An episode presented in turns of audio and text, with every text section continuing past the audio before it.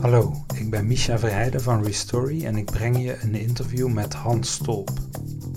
Hans Stolp is pastoor en auteur van meer dan 60 boeken, waarvan vele over spirituele thema's.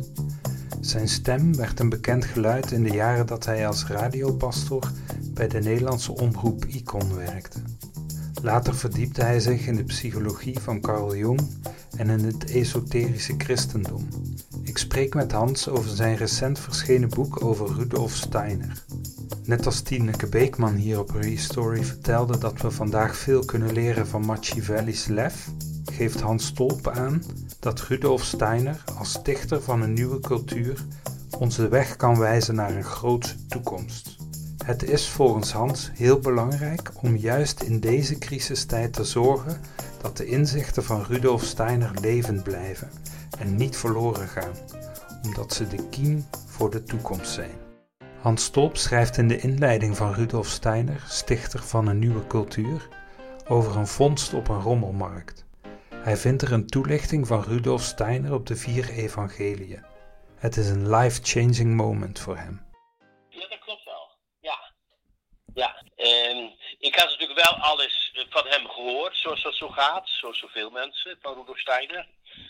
Maar op die zondag kwam ik eh, ja, de vier evangeliën van Rudolf Steiner tegen. Dus een toelichting op de vier evangeliën. En eh, die heb ik gekocht. Ik weet nog goed, ze waren toen nog één gulden per stuk. En ze zijn voor mij zoveel meer waard geworden later. En daarbij zat dus ook een toelichting op het evangelie van Johannes. En dat is al, al jarenlang mijn lievelingsevangelie. Ik had alleen het gevoel dat daar zoveel meer geheimen in besloten lagen dan ik pakken kon. Ik had altijd het gevoel, ja, maar dit is het toch niet. En toen begon ik die avond na te zoeken aan die rommelmarkt dat evangelie van uh, Johannes van Steiner te lezen.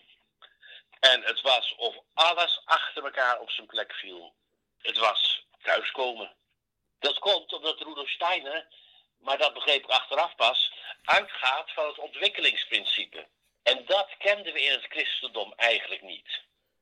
Wat ik in de theologie geleerd had, was dat Jezus Christus gekomen was naar de aarde, gekruisigd was, gestorven. Daarmee waren onze zonden vergeven en daarmee was in principe alles klaar. En waarom we nou dit, deze toegift nog krijgen, dus na het mysterie van Golgotha nog leven moet op aarde, dat werd nooit duidelijk. Maar bij Rudolf Steiner is het duidelijk, wij zijn hier op aarde om leven na leven weer een stapje verder te zetten in de ontwikkeling van ons mens zijn. En eh, als je dat zo begrijpt, dan kun je ook zien hoe dat, maar dan in beeldtaal, ook in de Bijbel beschreven staat. En Rudolf Steiner is bij machten om die beeldtaal in heel logische, heldere taal, die de mens van nu nodig heeft, te beschrijven. Wat heel essentieel is voor deze tijd, de samenstelling van de mens. Ik heb als kind nog geleerd, op categorisatie, dat een mens bestaat uit een lichaam, een ziel en een geest. Maar wat moet je daarmee? Wat, eh, hoe zit dat dan? En eh, als je dan verder zoekt in de traditie, dan zie je dat op een concilie in 869 de kerk al heeft uitgesproken. Ach ja, Paulus zegt wel in de Bijbel dat de mens bestaat uit een lichaam, een ziel en een geest. Maar dat is natuurlijk onzin. De mens bestaat alleen uit een lichaam en een ziel. Toen werd de geest geschrapt dus. En zo'n 200 jaar geleden, de tijd van Nietzsche, eh, was het Nietzsche die zei van, ja, ik zit even te denken, het is ruim 100 jaar geleden denk ik, maar dan moet ik even kijken. Uh, Nietzsche zei van ja, ze zeggen wel de mens bestaat uit een lichaam en een ziel, maar eigenlijk is de mens alleen maar fysiek lichaam. En wat ze ziel noemen, ach, dat is een kleinigheid aan het menselijk lichaam. Dus toen zag je hoe het ook de ziel geschrapt werd. En als je nou kijkt, bijvoorbeeld naar de coronacrisis, en je ziet wat voor oplossing de regeringen nemen, dan zijn dat allemaal oplossingen en maatregelen die gericht zijn op het fysieke lichaam. Op de inwerking van die maatregelen op de ziel, laat staan de geest, hoor je niemand meer spreken. Dus die reductie van de mens, van een lichaam ziel en geest naar alleen maar een lichaam, dat heeft enorme gevolgen tot op de dag van vandaag. En Steiner heeft uitgelegd, ja, Maar hoe zit dan die driegeleding, zoals hij dat noemt? Nou, Steiner eh, werkt die drieledigheid uit tot een vierledigheid, zou je kunnen zeggen. Ik zeg het maar even heel kort door de bocht. En als je nou kijkt naar het verschil tussen een dood mens en een slapend mens, dan zie je een groot verschil. Maar waar zit dat verschil in? Nou, dat zit erin dat bij een slapend mens werken de levenskrachten of de etherische krachten op het fysieke lichaam in. En bij een dood mens zijn die etherische krachten verdwenen. Dus bij een slapend mens zie je het fysiek lichaam en het etherisch lichaam. Maar als een mens dan wakker wordt, dan zie je dat die mens bewust wordt, actief wordt, handelend, gaat denken. Wat is dat dan, het verschil met een slapend mens en een wakker mens? Nou, dan zie je dat bij een wakker mens komt er nog een derde deel bij. Wat noemen we zijn astrale lichaam. Astra betekent in het Grieks ster, de sterrenkrachten. En die sterrenkrachten of planetenkrachten, die geven onze emoties, ons denken enzovoort weer. En ook die astrale krachten, die bij het, weg, eh, wakker worden, ja, in ons ontwaken en werkzaam worden, die nemen de vorm van ons lichaam aan, maar iets groter dan ons fysieke lichaam. En ze zijn kleurig. Vandaar dat helderziende, die onze aura waarnemen om ons heen, die zien in feite ons astrale lichaam. En dan in dat astrale lichaam, daar werkt nog weer een kracht. En die kracht, die kun je de geest noemen, het hogere ik, het hoge zelf. Enfin, er zijn eigenlijk allerlei termen voor in de loop der traditie ontstaan. En dat betekent dat een mens bestaat uit een fysiek lichaam, etherisch lichaam, astraal lichaam en een hoger ik. En die vier moeten dan heel zorgvuldig op elkaar inwerken. Ziekte betekent bijvoorbeeld ook dat die lichamen niet goed op elkaar zijn afgestemd en niet goed samenwerken. Ik denk dat heel veel eh, mensen uh, nog zoiets hebben van uh, het grote deel van de mensheid dat nog gericht is op die materie, op het fysieke lichaam. Zoiets heeft van wat is dat voor een zweverig verhaal. En Daarover zeg je eigenlijk in het boek: we moeten een arrogantie overwinnen om ons te verbinden met de wetenschap van de geest. Ja, dat denk ik zeker. Ja. Dat gebeurt ook al, bijvoorbeeld als je nou naar de landbouw kijkt. En je hebt de gangbare landbouw, maar daartegenin heb je dan de biologische landbouw. Wat is het verschil tussen biologische landbouw en de gewone, de gangbare? Dat er geen gif gebruikt wordt.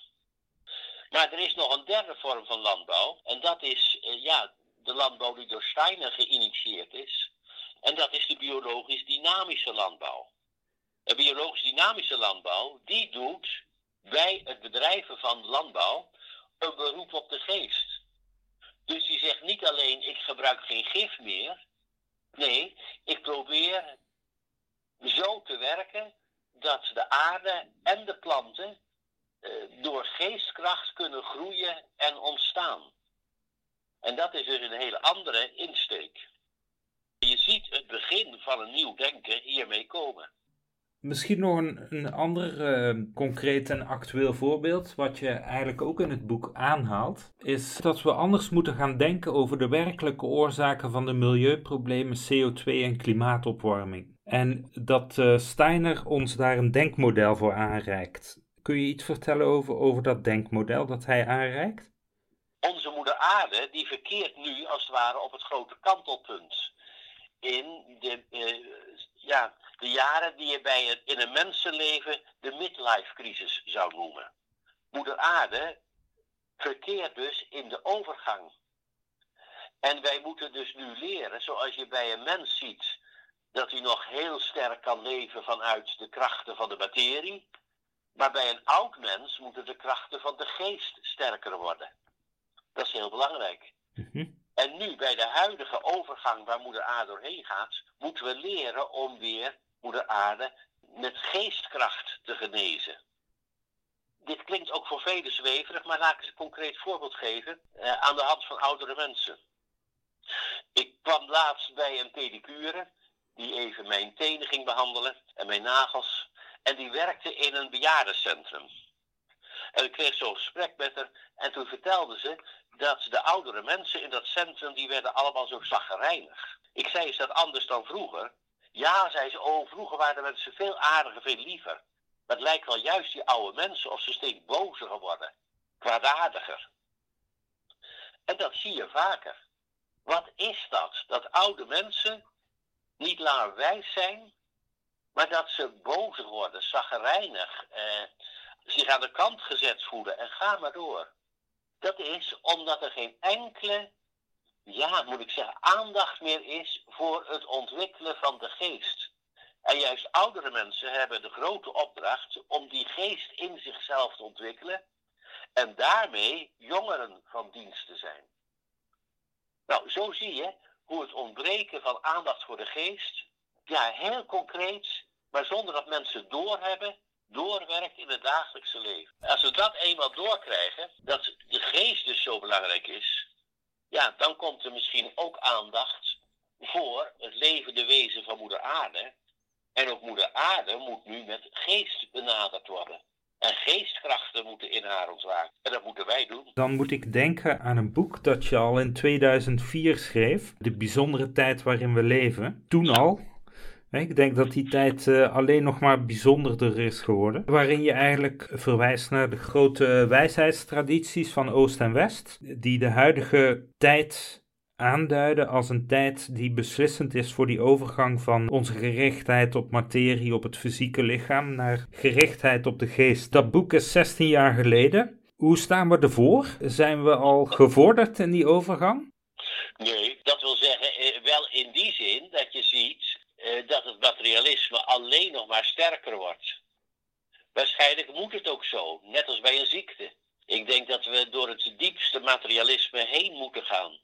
Dus in die zin, we vorderen wel, maar het materialisme neemt toe, maar we zullen gaan ervaren hoe we in dat materialisme volkomen vast gaan lopen. Dat maakt duidelijk hoezeer wij al zijn weggegroeid van de geest, de geestelijke wereld, en hoezeer we alleen nog maar ons met de materie verbonden voelen. Dus er is een fundamentele verandering van gezindheid, van kijken naar het leven nodig om tot die beslissende omvorming te komen. Mhm. Nou, en die heb ik wel bij Steiner gevonden, hoe dat werkt en kan. En gelukkig zijn er ook steeds meer mensen die dat beginnen te beseffen. En op kleine schaal zijn er al overal initiatieven om het anders te gaan doen. Dat zie je in het onderwijs, maar je ziet het zelfs in de bankwereld. Eh, om ook heel anders met het geld om te gaan. Dus niet vanuit materialistische principes, maar hoe kan geld behulpzaam zijn bij het omvormen van de samenleving zoals dat in deze tijd zo nodig is? Je noemt hem, uh, de ondertitel van het boek is niet voor niks, stichter van een nieuwe cultuur. En je schrijft ook uh, dat uh, Rudolf Steiner ons de weg wijst naar een, een grootse toekomst. Kun je iets vertellen over die nieuwe cultuur die hij sticht en de, de grootste toekomst die ons dan te wachten kan staan? Ja, het is geen kleine vraag. Nee, ik weet het. Ik weet het. ja. Laat ik gewoon een paar voorbeelden noemen. Wat Steiner zegt. Ja, staat in een hele oude traditie. Eeuwenoud is de esoterische traditie. Maar als je kijkt bij al die, bijvoorbeeld de theosofen, maar ook anderen, dan zijn die vooral gericht op de geestelijke wereld. En Steiner is de eerste esotericus, dus de grote geestelijke denker, die meteen die esoterische inzichten, kennis van de geestelijke wereld, kennis van de geest, heeft toegepast op het dagelijks leven. Dus vandaar dat er dankzij hem allerlei nieuwe initiatieven zijn gekomen. We kennen de antroposofische geneeskunde. Nou, daar maak ik dankbaar gebruik van. Mijn man, die heeft eh, 14 jaar geleden leverkanker gekregen. En in het ziekenhuis is hij toen opgegeven, kon niet meer behandeld worden, dus ga maar naar huis en je hebt nog maar twee maanden te leven. En toen is hij alsnog door antroposofische geneeskunde genezen. Dat kan volgens de artsen niet, maar het is toch waar. En dat is dus met behulp van de geest. Nou, dus je hebt antroposofische geneeskunde die niet alleen zich richt op het fysieke lichaam, maar ook op het etherisch lichaam, het astraal lichaam enzovoort. Daarnaast heb je het onderwijs. De vrije schoolbeweging is dankzij de inzichten van Steiner opgekomen. En je ziet dat deze vrije schoolbeweging, de Steiner scholen in België, mm ja, bijna een triomftocht door de wereld maken. Overal in de wereld worden op dit moment allerlei nieuwe vrije scholen gesticht. Tegelijkertijd is het probleem dat bij die vrije schoolbeweging, waarbij dus aandacht is voor de wereld van de geest, en hoe kun je de geest in een kind respecteren en tot ontwikkeling laten komen. Nou, je ziet dat die vrije schoolbeweging ook weer onder druk staat, omdat de overheid, de staat, allerlei eisen stelt waaraan voldaan moet worden en die eigenlijk indruisen tegen het principe dat Steiner ons heeft aangereikt. Vandaar dat je op dit moment ook weer een nieuwe vrije schoolbeweging ziet opkomen, namelijk de staatsvrije scholen. En dat zijn de scholen waar het onderwijs helemaal zelf door de ouders betaald wordt, maar dat daarom ook helemaal vrij is, zonder overheidsbemoeienis, zonder prestatiedruk enzovoort, en aansluitend bij wat dit kind nodig heeft.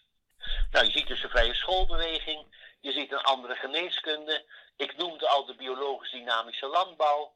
Eh, ik noemde het bankwezen.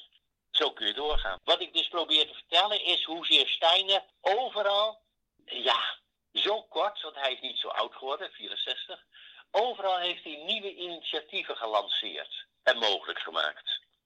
En dat zijn impulsen die over heel de wereld op dit moment worden overgenomen maar die nog nauwelijks aandacht krijgen in de pers enzovoort.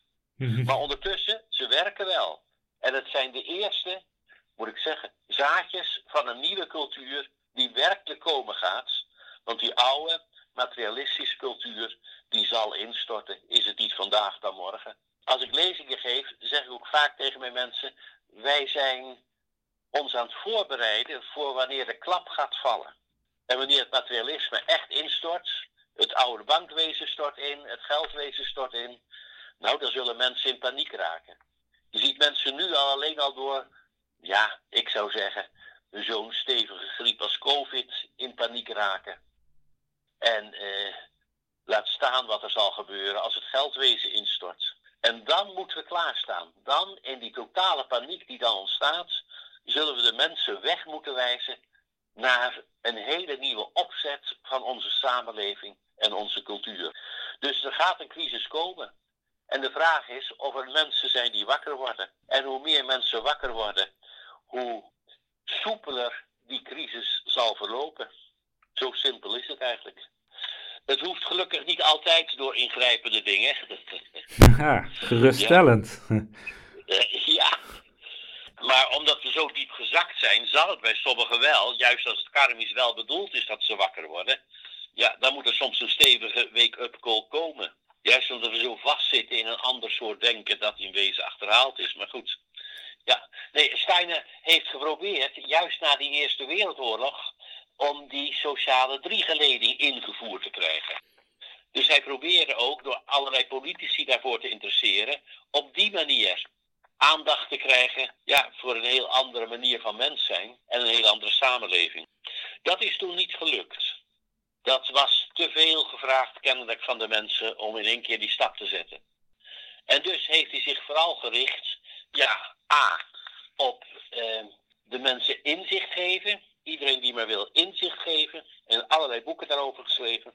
En dan het organiseren van die, ja, die werkgebieden, die transformaties in het klein, in het onderwijs enzovoort. De banken en ga zo maar door. Mhm. En van daaruit moet dan toch de grote transformatie komen. Ik zie bijvoorbeeld wel dat ouders van Steinerscholen soms op een hele, ja, eh, onbevangen manier met dit andere denken in aanraking komen en op die manier de weg vinden. Zie jij mensen vandaag die het gedachtegoed van Steiner oppakken om wat hem toen niet gelukt is, toch op de kaart te zetten? Nog niet.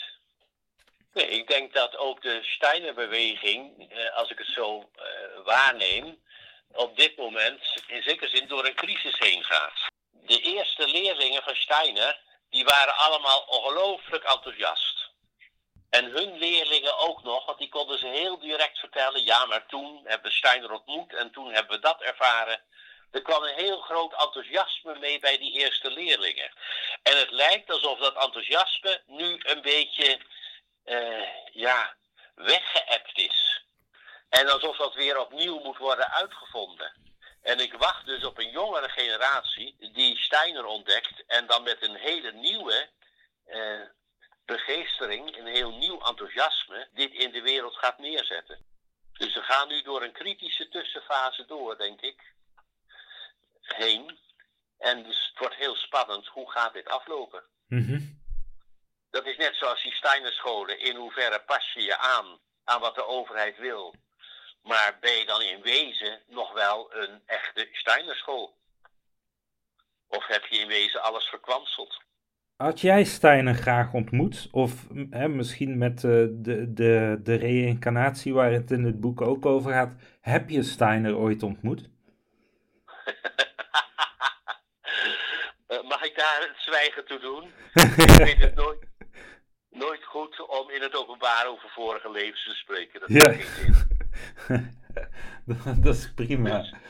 Um, ja. Had je, ik ben al lang blij dat ik hem in dit leven mocht ontmoeten.